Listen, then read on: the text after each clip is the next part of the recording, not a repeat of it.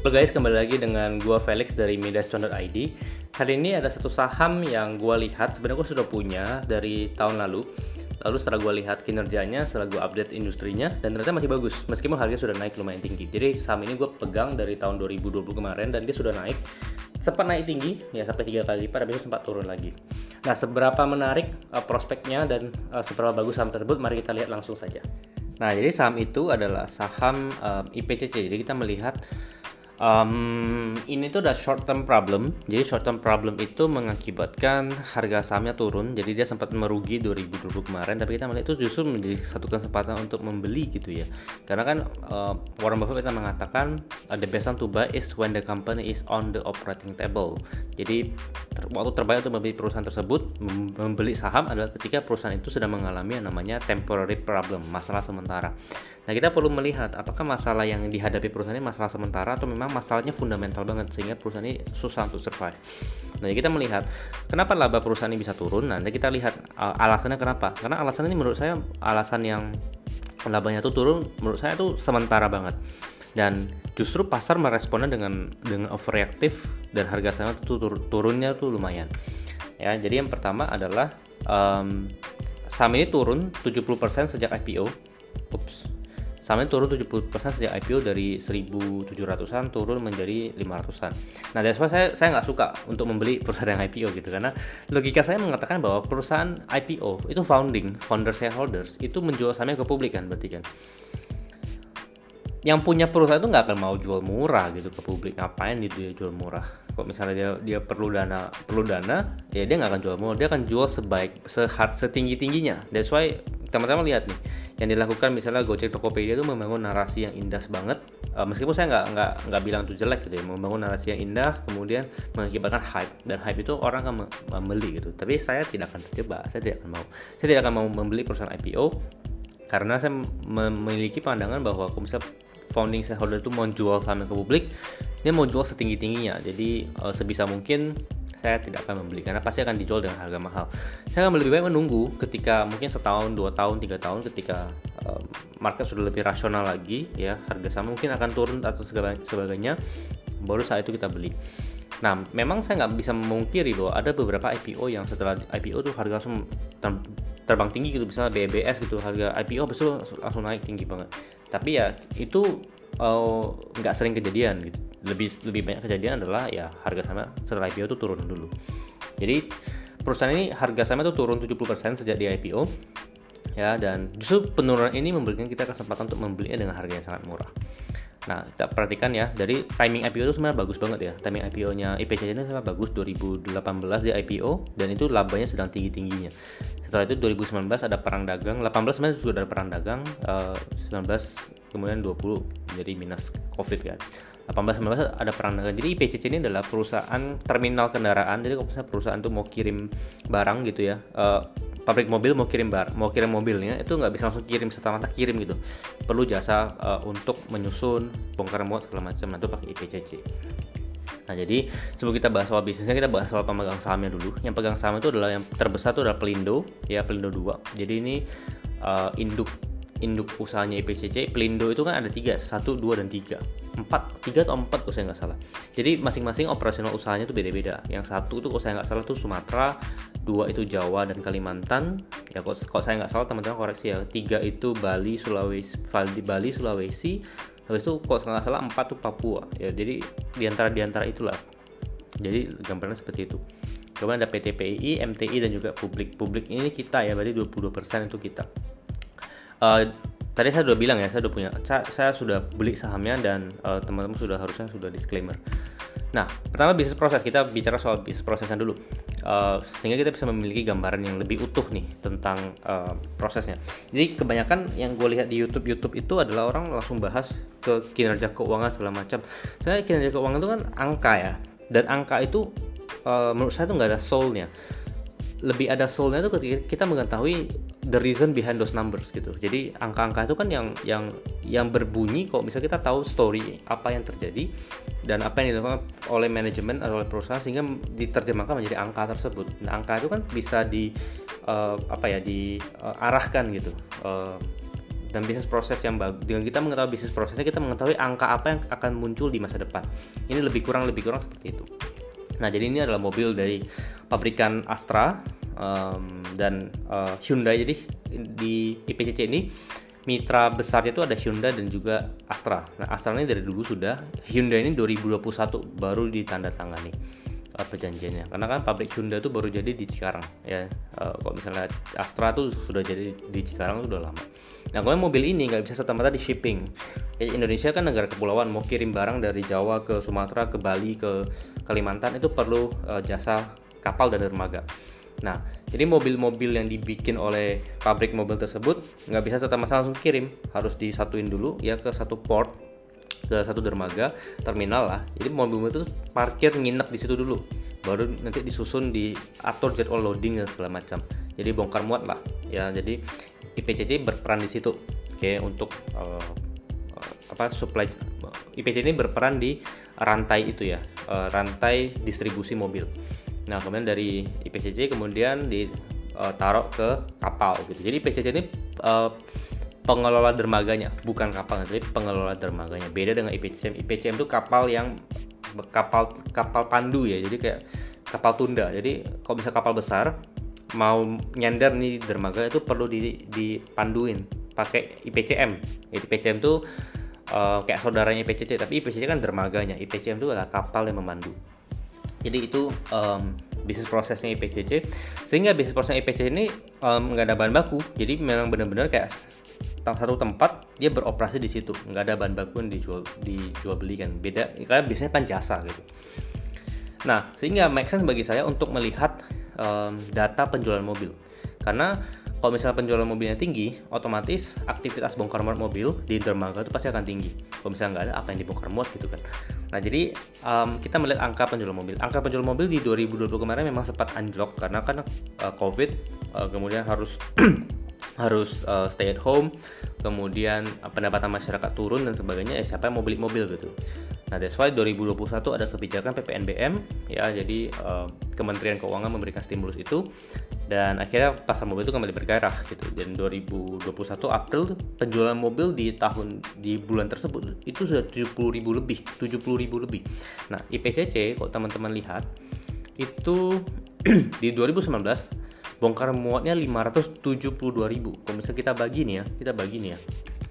572.000 bagi 12 bulan ya per bulannya itu 47.600 jadi uh, April kemarin itu sudah 70 ribuan. Jadi sudah hampir dua kali lipat per bulannya.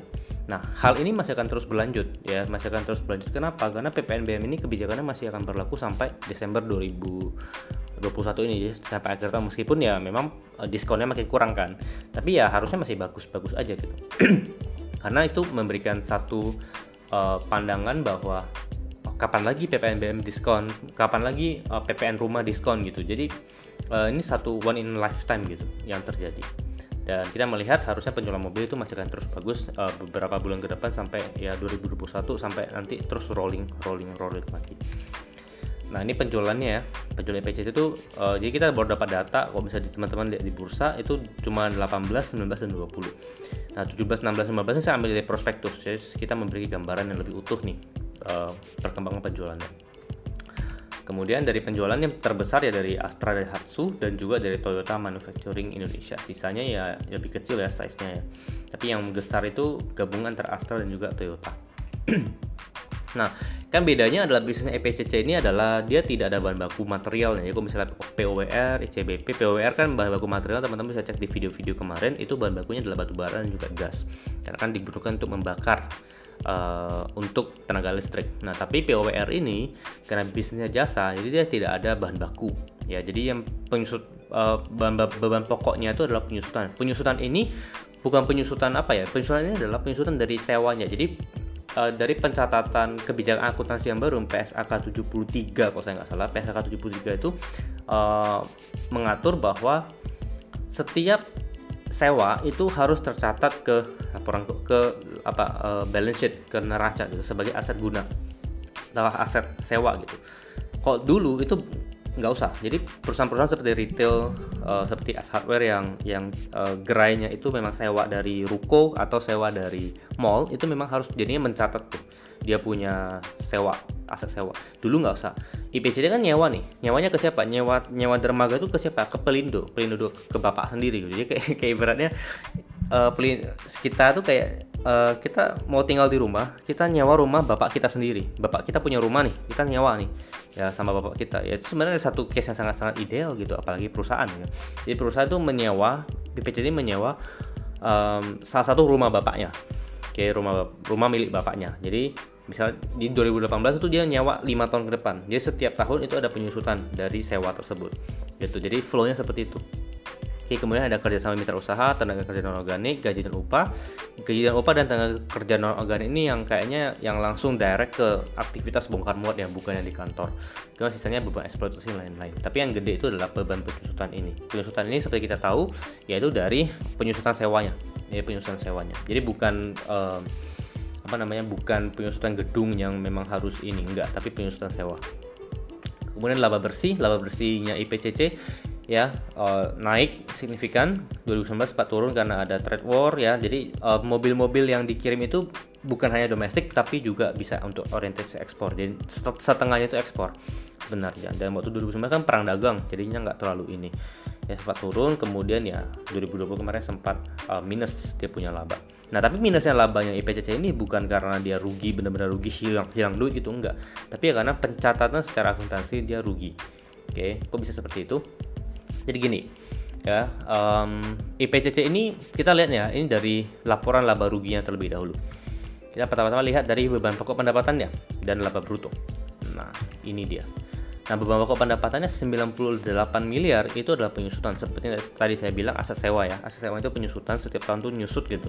Dia nyewa tuh lima tahun ke depan dan setiap tahun tuh nyusut uh, berapa miliar gitu dan angkanya ternyata segini 98 miliar. Sisanya ya angka-angka yang sebenarnya ya naik naik dan turun berdasarkan penjualan yang terjadi. Oke kemudian uh, di sini di aktivitas operasional ya. Aktivitas operasionalnya ini ups ya aktivitas operasional ini kita akan lihat apa aja Nah, ternyata ada yang paling naik signifikan tuh hampir hampir tiga kali lipat itu adalah provisi penurunan nilai. Apa nih provisi penurunan nilai? Ini itu adalah PSAK 71. Kok saya nggak salah PSAK 71. Jadi itu mengatur setiap aset-aset keuangan ya um, itu harus dicadangkan kerugian penur penurunan nilainya. Jadi CKPN cadangan kerugian penurunan nilai. Ada nilai tertentu yang harus dicadangkan. Jadi misalnya nih uh, saya minjemin ke Budi 10 juta gitu. Nah, saya tuh harus mencatat uh, di di balance saya ada piutang 10 juta. Tapi saya harus mencadangkan duit saya pribadi untuk mencadang kok misalnya ini 10 juta nggak tertagih nih. Dia harus cadangkan 10 juta untuk cadangan kerugian penurunan nilai 10 juta. Jadi itu um, apa namanya? Itu yang terjadi uh, di laporan keuangan ini. Jadi that's why sebenarnya ruginya ini rugi secara akuntansi bukan rugi secara cash. Sisanya yang lain-lain ya nggak terlalu signifikan berubahnya. Gaji dan upahnya turun ya karena kan ya uh, mungkin ada layoff atau segala macam. Saya belum cek ke berapa jumlah karyawannya masih tetap atau tidak. Sisanya sebenarnya sama-sama aja gitu nggak nggak terlalu signifikan bedanya. Oke dan yang memang paling gede itu adalah provisi penurunan nilai gitu dan itu ada batas tertentu sehingga dia naikkan uh, provisinya itu karena yang harus memenuhi batas tersebut jadi itu uh, apa namanya yang terjadi di sini karena kerugiannya tadi kita sudah lihat ya. Yang dua yang pertama adalah uh, untuk penyusutan dari aset sewanya, yang kedua adalah dari penurunan nilai ya CKPN. Nah, ini baru kita lihat nih gambarannya dari, dari cash flow-nya. Cash flow-nya 2020 itu positif loh 150 miliar. Bagaimana mungkin ada perusahaan dia labanya negatif tapi dia rugi nih, tapi cash flow-nya naik, cash flow-nya gede loh. Uh, duit yang dia dapatkan itu gede. Nah, that's why teman-teman perlu membedakan nih antara laba rugi secara akuntansi dan secara cash. Yang saya nitik beratkan itu adalah cash flow-nya positif. Rugi secara akuntansi nggak apa-apa, yang penting dia uh, cash flow-nya ini positif. Kenapa seperti itu? Karena lebih baik dibandingkan secara akuntansi, secara laba rugi dia positif, tapi secara cash flow dia negatif. Kok bisa seperti itu? Kok bisa perusahaan yang ada yang laba gitu ya, tapi kok cash flow-nya negatif jeblok gitu? Ya karena penjualan-penjualan yang terjadi teman-teman harus tahu penjualan yang ter, penjualan itu tercatat seperti apa sih penjualan itu artinya kalau misalnya bond sudah dibuat barang sudah dikirim barang sudah diterima sama uh, pembeli itu tercatat sebagai penjualan bukan duit sudah diterima loh itu itu benar-benar berbeda gitu. Jadi kalau misalnya duit uh, belum diterima pun tapi penjualan sudah terjadi bond dikirim barang dikirim itu tercatat sebagai penjualan gitu. Bisa saja penjualan tersebut tiga bulan kemudian baru dibayar. Kaspon dulu tiga bulan kemudian baru dibayar enam bulan kemudian baru dibayar atau mungkin tidak bisa dibayar sama sekali. Jadi jadi itu menjadi piutang tidak tertagih nah itu bahaya banget kalau misalnya uh, perusahaan terjadi seperti itu. Oke jadi kita sebisa mungkin tidak mau. Yang kita inginkan adalah sebenarnya ya labanya positif cash flow-nya juga positif. Tapi kalau misalnya teman-teman melihat uh, labanya ini negatif ya jangan langsung wah ini parah nih rugi. Enggak lihat dulu cash flow-nya positif atau tidak. Kalau misalnya cash flow-nya positif dari aktivitas operasional itu menandakan bahwa perusahaan tuh rugi secara akuntansi. Tapi secara cash dia untung.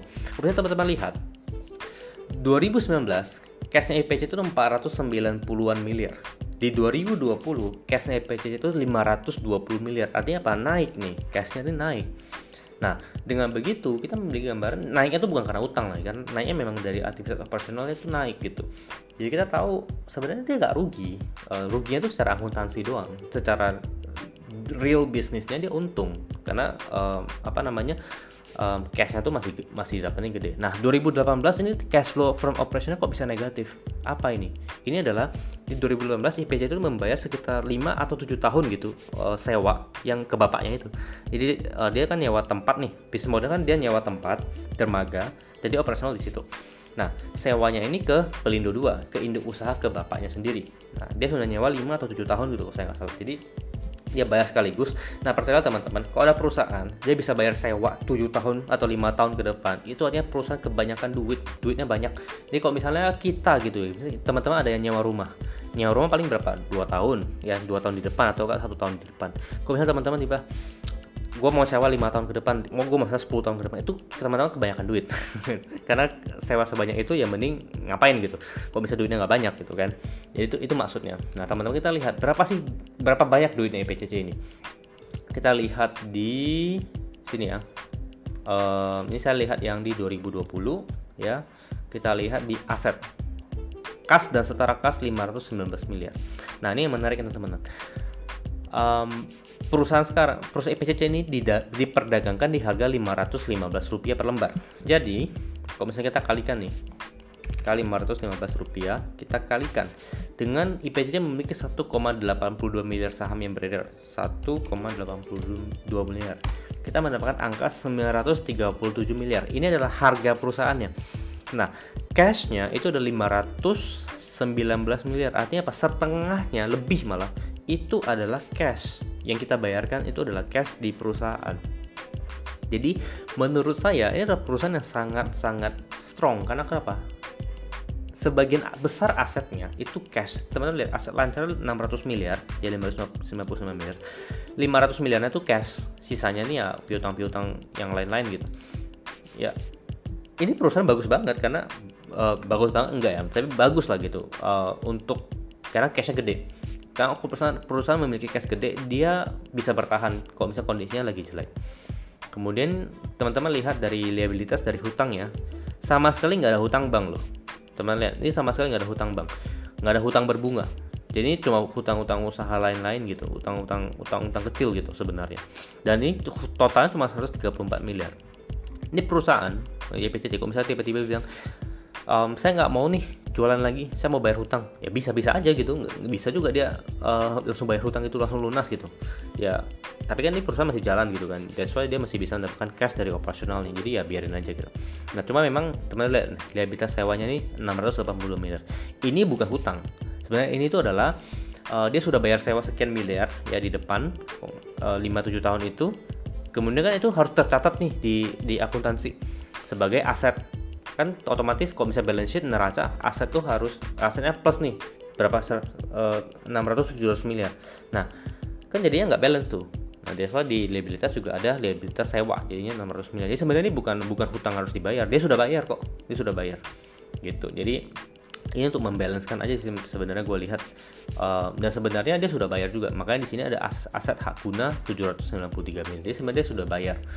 Oke dan setiap tahun tuh akan ada penyusutan penyusutan penyusutan lagi gitu. Jadi sebenarnya uh, problemnya itu cuma temporary ya.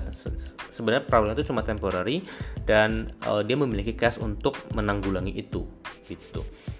Nah, lalu pertanyaan adalah misalnya kita sudah tahu story apa yang terjadi di IPCC ini, lalu berapa harga wajarnya? Nah, harga wajar ini um, saya menggunakan uh, ini ya tools yang uh, threshold valuasi ini untuk teman-teman di membership sebenarnya akan dapat ini. Kita bisa masukin nih angka-angkanya ya uh, total pendapatan laba kotor segala macam kita bisa masukin. Kemudian kita bisa hitung nanti valuasinya berapa ini secara otomatis. Nah cuma saya mau jelasin dulu konsep uh, valuasinya. Nah saya akan menggunakan dua cara. Yang pertama ada EPS growth dan yang kedua ada discounted model ada menggunakan dividend discount model atau ataupun uh, dari labanya. Nah jadi kalau menggunakan EPS growth saya akan menggunakan uh, laba per saham, saya proyeksikan pertumbuhan di masa depan sesuai dengan pertumbuhan di masa lalu. Ya, selama lima tahun ke depan misalnya saya tarik ke depan, kemudian saya hitung present value-nya karena kan harga angka di masa depan berbeda nih dengan angka di masa kini.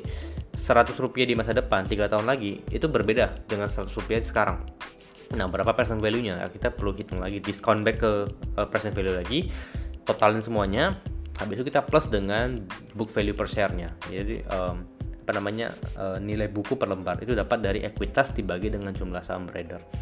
Dapatlah intrinsic value-nya adalah 982 nah harga sahamnya sekarang 515 ya berarti masih ada uh, diskon sekitar 48% maksudnya diskon ya margin of safety. Oke, kemudian diskon model ya saya menggunakan um, dividen karena perusahaan ini cukup ya rutin bagi dividen ya. Ya ini rutin bagi dividen. 2015 yang nggak dapat angkanya tapi uh, 2016 17 18 19 ini serah 4 5 tahun 4 tahun terakhir ya itu bagi dividen rutin dan growing gitu. Dan growingnya itu rata-rata 8% per tahun. Nah jadi ini saya menggunakan angka yang sangat uh, konservatif sebenarnya. Sama sekali nggak ada pertumbuhan. Jadi asumsi diskon model sama sekali nggak ada pertumbuhan sama sekali nggak ada. Dan dividen itu kan terus sama jadi nggak ada perubahan. Which is kita make, bagi saya itu nggak make sense untuk perusahaan uh, seperti ini dividennya nggak nggak growing. Karena kan ya dia masih bagus gitu. Jadi menurut saya masih bisa growing. Tapi kita menggunakan angka yang sangat-sangat konservatif di mana dia nggak growing sama sekali kita mendapatkan intrinsic value nya 925 nah bisa seperti ini saya akan mendapatkan saya akan ambil di yang paling kecil sebenarnya. Jadi 900 kan masih di tengah-tengah lah. Jadi kita masih mendapatkan diskon sekitar 45% lebih gitu. Jadi um, ini uh, valuasinya saya menggunakan angka yang sangat konservatif sebenarnya. Ini angka yang sangat-sangat pesimis di tengah optimisnya industri otomotif. Jadi um, dengan angka-angka ini harusnya dia masih meskipun dengan angka yang sangat konservatif dia itu masih under value jadi menurut saya saya uh, that's why saya masih mau beli sahamnya meskipun di harga sekarang gitu. Meskipun saya sudah beli di angka 300 jadi saya beli itu waktu 2020 di angka 300 sempat naik sampai uh, 800-an saya jual sedikit habis itu turun lagi kemudian di angka 500 saya update industri saya, saya baca saya baca saya pelajari lagi dan ternyata masih bagus dan saya mau beli lagi gitu jadi ini uh, teman-teman sudah memiliki gambaran soal saham IPCC ini masih bagus atau tidak dan katalis utamanya sebenarnya adalah dari dari uh, penjualan mobil yang meningkat karena itu harusnya secara signifikan akan meningkatkan penjualan dan laba dari perusahaan.